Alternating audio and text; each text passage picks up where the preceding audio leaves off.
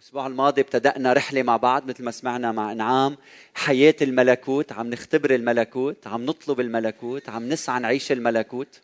حكيت عن هنيئا الأسبوع الماضي واليوم بدي تابع هذا الموضوع لأحكي عن التطويبات الأربعة الباقيين. فأرجوكم خذوا ملاحظات أنا متأكد أن الرب عنده كلمة لإلكم خصوصا إذا حدا مضطهد متألم مضطهد متألم. وإذا أنت كمان عم تضطهد غيرك إن شاء الله كمان بنوصل لك رسالة. فافتحوا معي إنجيل متى الفصل الخامس. رح كون عم بقرأ ابتداء من العدد السابع. رح أمشي فيهم آية آية وأشرحهم وطبق وبعدين ننتقل للنقطة الثانية. عندي أربع تطويبات رح نكون عم نركز عليهم مع بعض. إنجيل متى الفصل الخامس عدد سبعة وما بعد. يلي عم يحضرونا أونلاين كمان كلمة ترحيب لكم كلكم على ال SAT-7 على ال Be Light FM وين ما كنتوا على التلفزيون على أهلا وسهلا بالجميع. بنحبكم ويا ريت فينا نكون قريبين منكم أكثر من هيك. وبنشكر رب إنه كلمته عم توصل على قلوب الناس واختباراتكم عم بتأثر بحياتنا وعم بتشجعنا لحتى نقدر نكمل. بتابع رب يسوع المسيح وبقول وبالنسبة لإلي هلأ اولا لأنه أنا بالعظة الثانية بقول طوبى للرحماء لأنهم يرحمون. انتبهوا لكلمة هنيئا من بعد للرحماء لأنهم شو بيصير فيهم؟ يرحمون. يعني أتباع الرب يسوع المسيح يظهرون الرحمة حتى لخصومهم حتى لأعدائهم هن بيعملوا الرحمة. الرحمة هي إنك ما تعطي الشخص يلي بيستحقه من العقاب. إنك تقول أنا بدي أرحمك ومرة عاملك بالطريقة يلي أنت عم بتعاملني فيها. الرحمة هي موقف قلب تجاه الآخر بغض النظر كيف الآخر بيتصرف معي. زوجتي زوج أولاد كيف ما بيتصرفوا معي؟ موقف قلبي هو الرحمة تجاه الآخرين. هيك عم بيعلمنا الرب يسوع المسيح. علامة الرحمة هي الغفران. ما فيك تقول أنا برحم غيري بس ما بغفر له. العلامة الأساس أنك أنت رحمت غيرك أنك تغفر للآخرين. الرب يسوع المسيح بيقول بالكيل الذي به نكيل أو تكيلون يكال لكم. يعني إذا أنت غفرت لغيرك ربنا بيغفر لك. إذا أنت غفرت لغيرك يعني قلبك مستعد لقبول غفران الله. إذا أنت رحمت غيرك يعني أنت عندك قلب مستعد أرض جيدة ان تقبل رحمة الله في حياتها. فإذا بدك رحمة الله اليوم ارحام غيرك. اغفر لغيرك سامح غيرك. يعقوب بذكرنا بالفصل الثاني والعدد 13 إنه الدينونة لا ترحم الذي لا يرحم. إف شوفوا شو قوية هالعبارة. الدينونة ما بترحمنا إذا نحن ما بنرحم فلما الشخص يظلمك ويأذيك ويحتقرك ويسوت سمعتك ويضطهدك بدي أسألك اليوم هل تنتقم؟ الرب عم بيعلمنا أن نكون أبناء الرحمة. أكيد الكلام سهل لكن التطبيق صعب صح؟ لكن الرب قادر يعمل هالشيء ونحن اختبرنا كلنا أمور من هالنوع. في قصة مشهورة بتحكي عن زوج وزوجة هيدي الزوجة راحت هي وصديقة وبعدين راحوا على فندق وهونيك خانت زوجها. من بعد ما خانت زوجها فلوا مع بعضهم وهن راجعين بالسيارة بيعملوا حادث سير والمرأة الزوجة هيدي بتموت. فبيجي زوجها لحتى يتعرف على الجثة وبشوف إنه بيلاحظ إنه ما كانت حاطة المحبس الخاتم بإصبعها. فبيتفاجأ وبيسأل مع مين كانت وليش ووين وبيفهم وبيعرف إنه زوجته خنته قبل وفاتها. هيدا الشيء كسر له قلبه وشيء مؤلم جدا خيانة الآخرين شيء مؤلم جدا. بوقت الدفن بالجنازة طلب إنه يرفع الغطاء لحتى هو يشوف زوجته. لما رفع الغطاء قرب وكان سبق ووجد المحبس موجود بالبيت بخزنتها. فأخذ هذا المحبس على الدفن ولما رفع الغطاء قرب منها ورجع حط المحبس بإصبعها وقال لها أنت زوجتي. أنا اليوم بدي سامحك أنا أحبك. هيدا نوع الغفران يلي الله بيطلبه خصوصا لما الآخر بيأذيك. تاخذ موقف إلهي مثل إلهك وتقول بدي أرحم ويلي بيرحم قال يرحم يرحم أيضا. هذا الأمر صعب أنا بعرف. يلي بيرحم لازم يعرف مش بس إنه الغفران شيء كتير مهم. انتبهوا لهالنقطة. لازم يفهم إنه العدالة شيء كتير مهم. يلي بيرحم غيره بقول الرب لا تنتقموا. اللي النقمة أنا أجازي يقول الرب. يعني أنت ما تجازي غيرك اترك الدينونة علي. يعني أنت لما بتفهم الرحمة بتفهم أنه الرحمة مرتبطة بالغفران أنت بتغفر لغيرك. وكمان مرتبطة بالعدالة أنه أنا ما رح دينك رح اترك الله هو يدين الظالم. وهيدي شغلة كثير مهمة يفهمها كل واحد منا خصوصا الاشخاص اللي بيتألموا كثير من ظلم الناس من حولهم. وعم أقول هالشيء لأنه سمعت هالأسبوعين قديش في عنف ببلادنا قديش في صبايا عم يتعنفوا جنسيا وجسديا وبالكلام وبالألفاظ من آخرين لدرجة إني عن جد فوجئت جدا بنعرف عن هالأمور لكن قديش هالاشياء عم تتكرر ببلادنا. فلما بنت بسبب إنسان وسخ مليء بالشر بيتعدى عليها جنسيا بدمر جسدها بشهوته بتصير هي تكره نفسها بتصير تشطب حالها بتصير بدها تقتل نفسها. عندها اشمئزاز وكره من هالحياة كلها وعم بتفتش على طرق لحتى تخلص من حياتها. هيدي الامرأة هيدي الفتاة صعب عليها إنه ترحم بسهولة صح؟ صعب عليها إنها تغفر لأنه الوضع أليم جدا وبشع. لكن مع الوقت ربنا بيعلم هالإنسان يغفر. لكن لهيدا الشخص تحديدا بدي أقول وبدي أقول للظالم لهيدا الشرير الوسخ يلي شوه حياة فتاة طاهرة وإلى الأبد يمكن شوهها. بدي أقول لك إنه جاي يوم يلي فيه إذا أنت ما بتتوب الله بده يدينك. جاي اليوم يلي فيه الكلاب رح تلحس دمك. والدود يطلع من عينيك وعظامك يكل هالمرض. إذا أنت ما بتتوب وبترجع لعند الرب جاي اليوم يلي فيه ستدان ورح ينفضح أمرك هنا وهناك. رح تعيش الأبدية من دون الله وتختبر الألم. وهيدا كل اللي عم أقوله مشي مقابيل نوع الألم يلي عم نسمع عنه من المظلومين والمتألمين بسبب شر الإنسان. فبدي منك تتوب اليوم. التوب إذا أنت إنسان ظالم ومش بس التوب لربنا تروح تفتش على هود اللي ظلمتهم وتطلب منهم المغفرة. لأنك أنت شرير بأفعالك بتعمل عملتك وبتنسى. لكن هيدا هيدا الإنسان بيبقى كل حياته عم يتألم بسببك. فإذا أنت واحد منهم توب قدام الرب. توب قبل ما يجي يوم الدينونه العظيم. وأنت المظلوم بدي أقول لك في يوم دينونه في يوم حساب. واللي بيصمت هون ما بيصمت هونيك. عرف إنه كل شيء صار فيك. الله شاف وسمع وإشع وحس وتألم وبكي معك. وجاي اليوم يلي في رح يدين كل إنسان. كل إنسان ما حدا بيزمط منه. وإذا أنت واحد من هود اللي ظلموا غيرهم أرجوك توب توب توب قبل ما يفوت الأوان. رقم اثنين متى خمسة ثمانية بيقول طوبى لأنقياء القلب. طوبى لأنقياء القلب اللي أنهم يعاينون الله. النقاوة الداخلية هي أهم شيء بالنسبة للرب يسوع المسيح وآخر همه النقاوة الخارجية. ما بيهمه ايديك نضاف قبل ما تاكل إذا محمم مش محمم يلي بيهمه قلبك يكون مغسل. قلبك يكون نقي طاهر. النقاوه من جوا بتحميك من نفسك. من أفكارك الشريرة. النقاوه من جوا تحميك من الآخرين. من الشيطان من يلي بدهم يأذوك ويأذوا سمعتك. النقاوه من جوا شيء كثير مهم بتحافظ عليك. إذا عندك مواهب وبتجذب الناس لإلك لكن الثقة الثقة تكتسب لما بيكون قلبك نقي. إذا أنت عندك كاريزما بتنجح لوقت معين.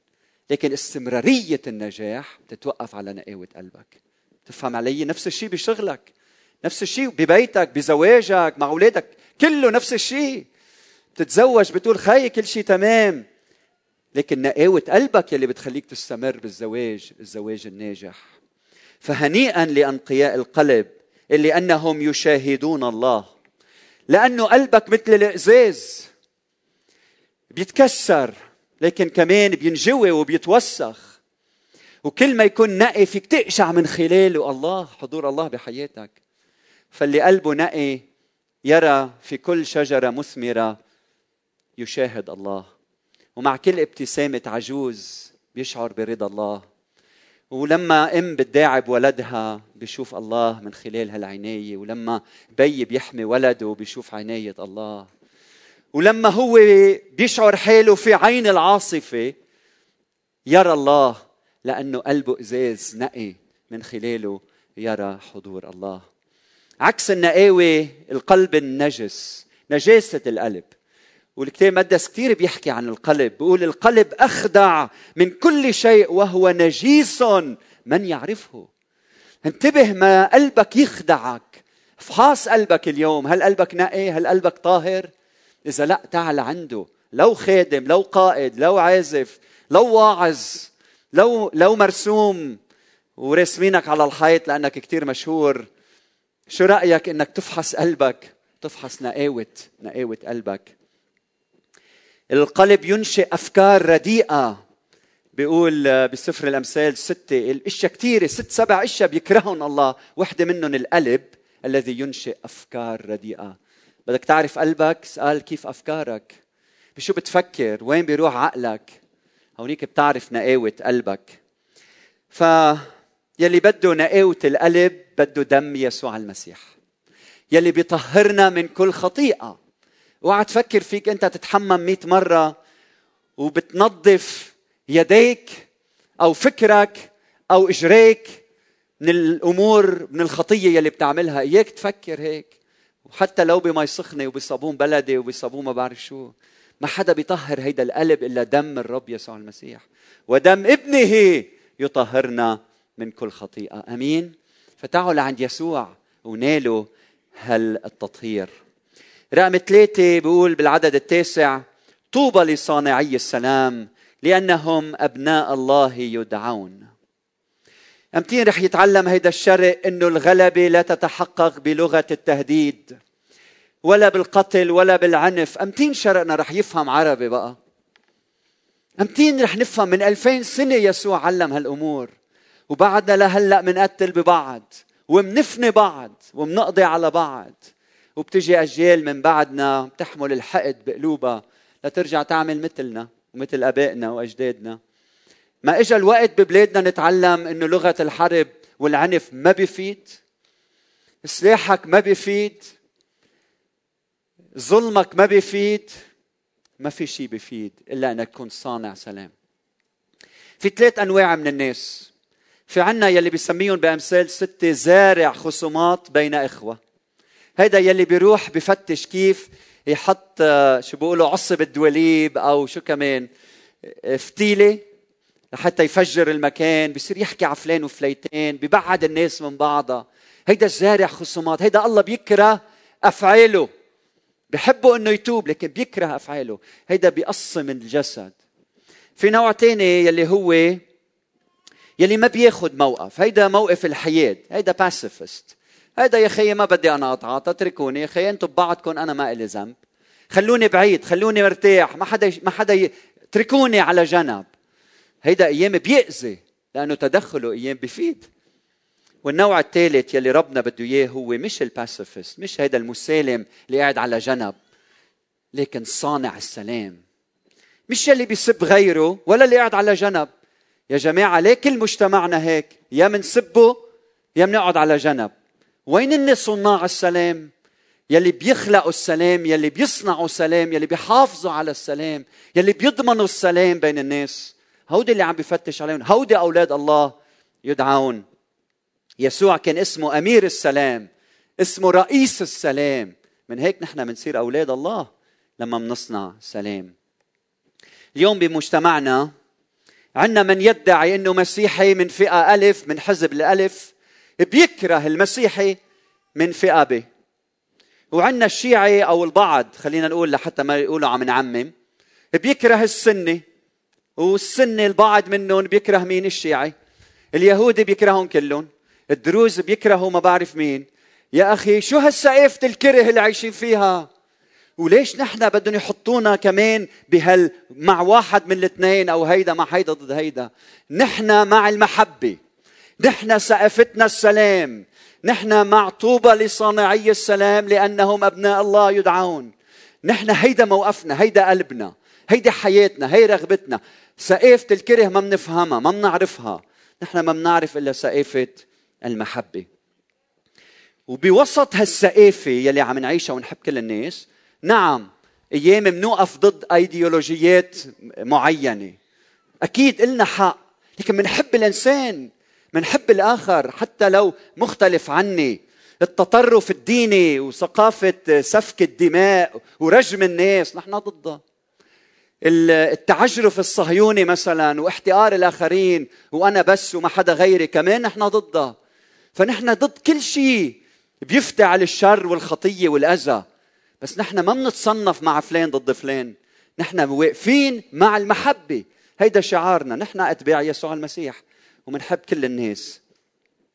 فقضيتنا ما بتتوقف على شخص. قضيتنا هي قضية المحبة. وباقية إلى الأبد. واقفين مع المحبة. كل واحد بحب نحن حده ونحن معه. هنيئا لصانعي السلام لأنهم أبناء الله يدعون. فبدي أسألك اليوم تطبيق. كيف أنت مع صناعة السلام؟ كيف أنت مع صناعة السلام؟ هل بتبادر؟ في مجال أطلب منك تبلش تبادر يا خيي ببيتك مع زوجتك لو الآخر ما بده. مع أولادك مع جارك. في مجال تبادر وتكون صانع سلام؟ هلأ أنا بعرف إنه ما فيك تصنع سلام برا. إذا ما في سلام جوا. ما فيك تصنع سلام برا إذا في حرب جوا. من هيك بردك ليسوع. لأنه هو قال سلاما أعطيكم سلامي أترك لكم. سلاما أعطيكم ليس كما يعطي العالم أعطيكم أنا. افرحوا في الرب كل حين وأقول أيضا افرحوا. يا خي تعال عند يسوع بتختبر سلامه. صدقني بتختبر سلامه. ما بيفضى خزانه سلامه موجود في كل مكان. بده يملأك بهالسلام. بس بدك تيجي بانكسار لعنده. وبتفهم معنى الحياة وبتمتلئ من هالسلام وبتسالم غيرك. انت عم بتعادي غيرك لأنه العداء موجود جوا. عم بتحارب غيرك لأنه الحرب موجودة جوا. فبدي أدعيك إنك تتحرر من جوا لتقدر تساعد الأشخاص من برا. رابعا وأخيرا بالعدد العاشر و11 بقول طوبى للمطرودين من أجل البر. لأن لهم ملكوت السماوات طوبى لكم إذا عيروكم وطردوكم وقالوا عليكم كل كلمة شريرة من أجل كاذبين افرحوا وتهللوا. عم بقول هنيئا لإلك إذا اضطهدت. والاضطهاد أو فاعل الصلاح بهيدا العالم عالم مريض ساقط يضطهد. نتوقع العكس يا جماعة. لك بعمل الخير معك بتوقع الخير منك صح؟ لكن بهالعالم الفاسد الساقط لما بتعمل خير تضطهد. تضطهد لأنك أمين تضطهد لأنك تابع ليسوع. بدك تضطهد لأنك بتحب أعظم إنسان بهذا العالم هو الرب يسوع المسيح الفريد بكل شيء لأنك بتحبه تضطهد. شو هالعالم اللي عايشين فيه الغريب عجيب؟ لما ما بتساوم على قيم الملكوت تضطهد. ويسوع وعدنا وقالنا إنه هيدا الشيء بيصير في كثير أنواع من الاضطهاد. كتبت على ورقة أنواع الاضطهاد اللي أنا اختبرتهم مع الرعية مع كنيستنا من 14 سنة لليوم مرق علينا مثلا القتل حدا بيحاول يقتل واحد بسبب إيمانه أو بيقتله إجت مرة لعنا ست هربانة من بلد قلنا لها شو عم تعملي هون؟ كيف فينا نساعدك؟ قال هربت لأنه بنت عمي انقتلت، كيف انقتلت؟ قال لما تعرفت على يسوع بيا قتلها ودفنها عند مدخل البيت لحتى كل واحد بيجي بيدوس على راسها وبفوت على بيته. لأنه أجل جلبت العار لوين؟ على بيته. وهو بفعله هيدا جلب العار على البشرية كلها. حدا بيقتل بنته لأنه آمنت بيسوع يا جماعة؟ وبيدفنها بالتراب؟ هالقد الشر مستشري ببلادنا إنه واحد بيعمل هيك؟ هيدا اضطهاد. وقالنا يسوع يا عمي يسوع قتلوه. يسوع المحبة المتجسدة صلبني. نوع تاني هو التهديد. حدا من الأقارب يتصل وبلش يهدد.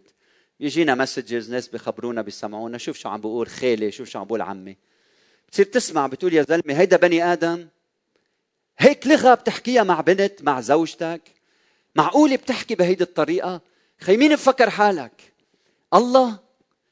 شو هالعجرفة اللي عنده إياها الإنسان لدرجة إنه حدا عمره 25 سنة بياخد قرار يتبع يسوع بده يسمع تهديد من خمسين واحد لأنه أخذ هالقرار لأنه صار يا أخي يحب زيادة وصار يعطي زيادة وصار يضحي للآخر زيادة.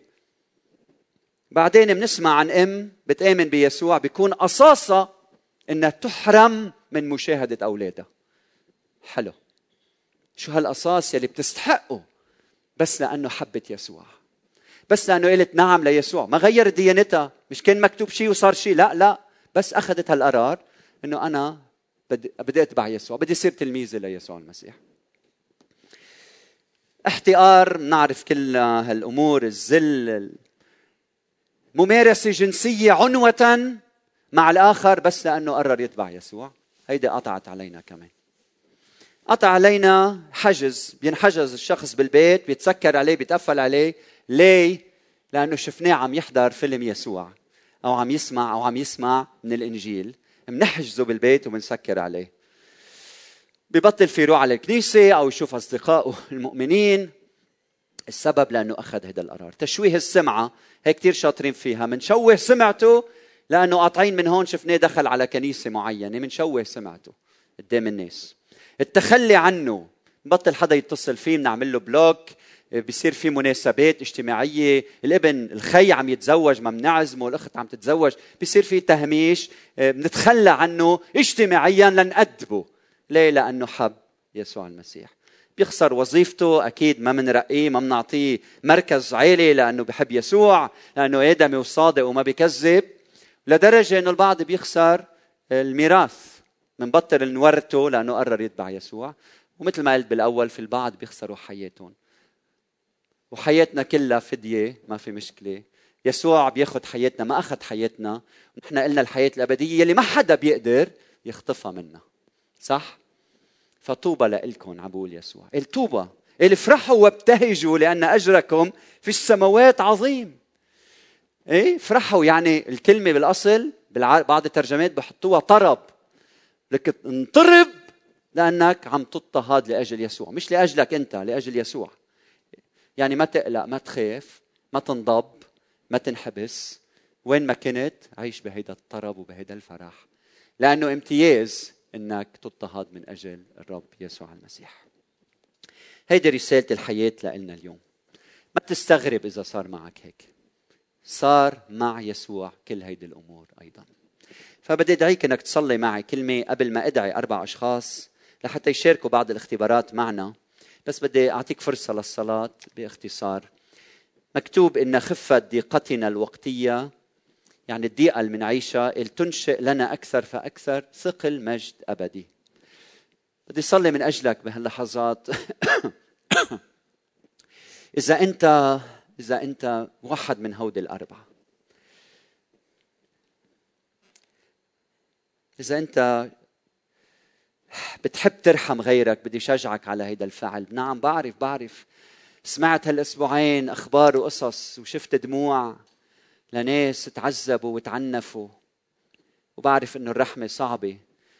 بس جاي أقول لك كلمة الرب. هنيئا لك إذا بتجي لعند يسوع وبتتركه هو يزرع الرحمة بقلبك. أنت ما فيك تعملها هو بيعملها فيك. بدي هنيك على هالقرار اللي عم تاخده هلا إنك تغفر وتسامح. بدي لك طوبى لك إذا أنت بتحب قلبك يكون نقي. رح تشوف الله بالأمور الصغيرة والأمور الكبيرة. رح تلاحظ عمله في كل مكان. فتعا له يا رب نقي قلبي هلا. طهر قلبي غسل قلبي. بدي صلي إنه الرب يعطيك سلام بقلبك لتكون أنت صانع سلام. يملأك من السلام الإلهي. كن مبادر في صناعة السلام ما تنتظر غيرك. الهك هو رئيس السلام فبادر في صناعة السلام. وبعدين إذا أنت مطرود من أجل البر نيالك إذا عيروك وطردوك وقالوا عليك كل كلمة شريرة من اجلي كاذبين. نيالك افراح ابتهج اشكر الرب من أجل هالشيء بنعرف قديش في ناس عم تتألم. إذا مش أنت واحد منهم اللي حواليك. يمكن اللي قاعد حدك بس انت مش عارف. بس انت مش عارف. أهم شيء ما تكون ما تكون انت السبب لآلام الآخرين. فخلينا كلنا نجي لعند الرب بتوبة. يا رب ارحمنا سامحنا باركنا وين ما كنا ببيوتنا أو بسياراتنا أو يمكن أنت هلأ موجود بكنيسة بمكان من الأماكن يلي عم نعبد فيها مع بعض. تعال عند الرب تعال عند الرب. قل له يا رب ارحمني سامحني جدد قلبي أعطيني نقاوه بحياتي. جدد عائلتي خلص عائلتي شفي عائلتي. حرر الناس من حول مني أعطيه سلام بقلوب العالم. باسم يسوع يا رب صلي من أجل كل شخص عم بيصلي هالصلاة وعم بحط حياته بين إيديك. إنك أنت تبارك هالكلمة لقلبه وحياته. باسم يسوع أعطينا هلأ نسمع لإختبارات كمان نتشجع. نتعلم من بعضنا البعض نشوف يدك أعطينا نقاوة القلب لنشوفك من خلال هالاختبارات باسم يسوع. آمين. آمين. آمين. آمين. تفضلوا. خلينا نسمع لهالاختبارات الحلوة. جوني تفضل. أنت أول واحد رح تبدأ معنا. تخبرنا عنك شوي. في عنا تقريبا خمس دقائق تفضل تفضل.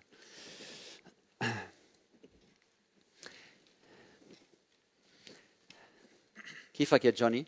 good good أهلا وسهلا فيك. سمعت لهالرسالة اليوم. في عندك شيء اختبار تشاركنا فيه من يلي سمعته؟ yes بدي أحكي اليوم عن الغفران. أه بفترة من حياتي وين صارت كل شيء انقلب وصعبت الدنيا يعني بين ما خسرت شغلي و... وراحت المصاري والجامعة وكل هول الأمور. تقلبت بهالفترة بتعرفوا العالم بتلين وبتتكل وبتقعد مع العالم القراب عليها. يعني عائلتها أصحابها القراب سو so بهالفترة القراب علي ما ساعدوني بالعكس كانوا عم بيدفشوني نزول. حتى وصلت لدرجة إنه ليلة من الأيام تندير يعني خفقت الدنيا اضطريت فل بس كرمال ما تتعوص الأمور أكثر يعني فينا نقول إنه ليلتها حطيت الحقد بقلبي علاقة علاقة طفولة صار لها 15 سنة 20 سنة قررت خلص هيك بليلة وضحاها بلاها بقى.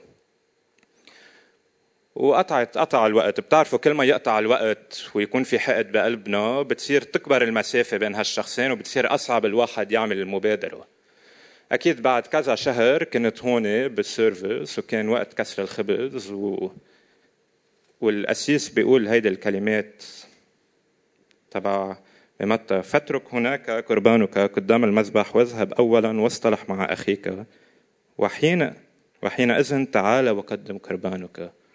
هلأ هون كان الرب حسيته مثل حط هالكلمات بقلبي. واكيد مثل كل واحد الرب مش كل واحد مثل بعض الناس يلي الرب بيقول لهم يعمل شيء صعب قررت حط حجج و وما عملها. صرت أقول له إنه إيه أنا ماني ماني متخانق معه بقى بس ليك أحسن ما احكيه صرت قطعه رجع قطع يومين ثلاثة كنت بصف البود درب اتباع المسيح وكان في التطبيق. واحد من الأسئلة اللي إجت إنه هل في علاقة هيك مش مشكلة بهالعلاقة بعلاقاتك منا منك حللها هلا هون صار مثل الرب عم بينكزني عم بيقول لي يلا قوم يا جوني قوم عمول المبادرة خذ المبادرة.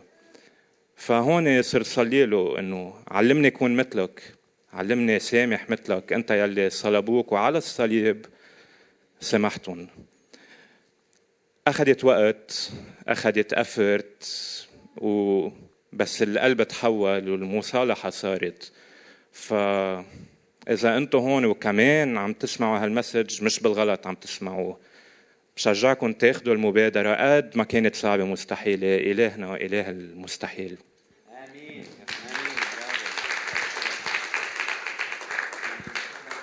تفضلي يا حلا. خبرينا كيف يسوع حلاكي.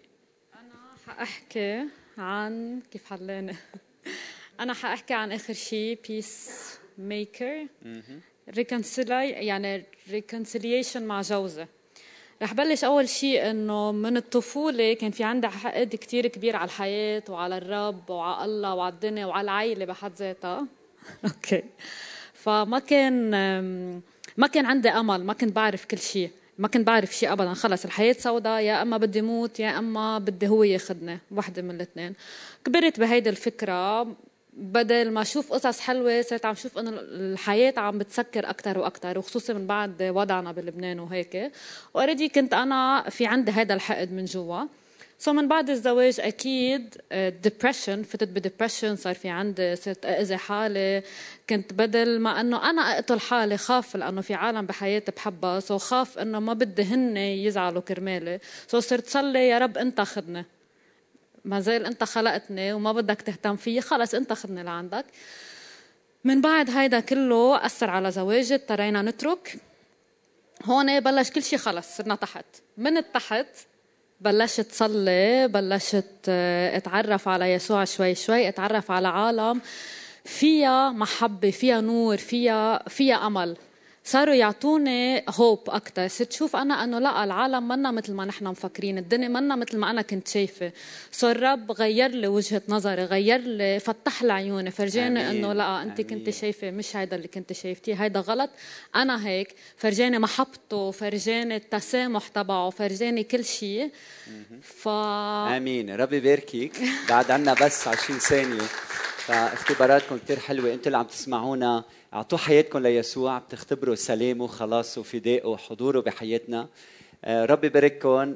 تابعونا خبرونا أخباركم ونحن يعني بدنا نصلي من أجلكم باستمرار ونسمع الاختبارات الحلوة يلي الرب عم يعملها بحياتكم. ورب يكون معكم جميعا.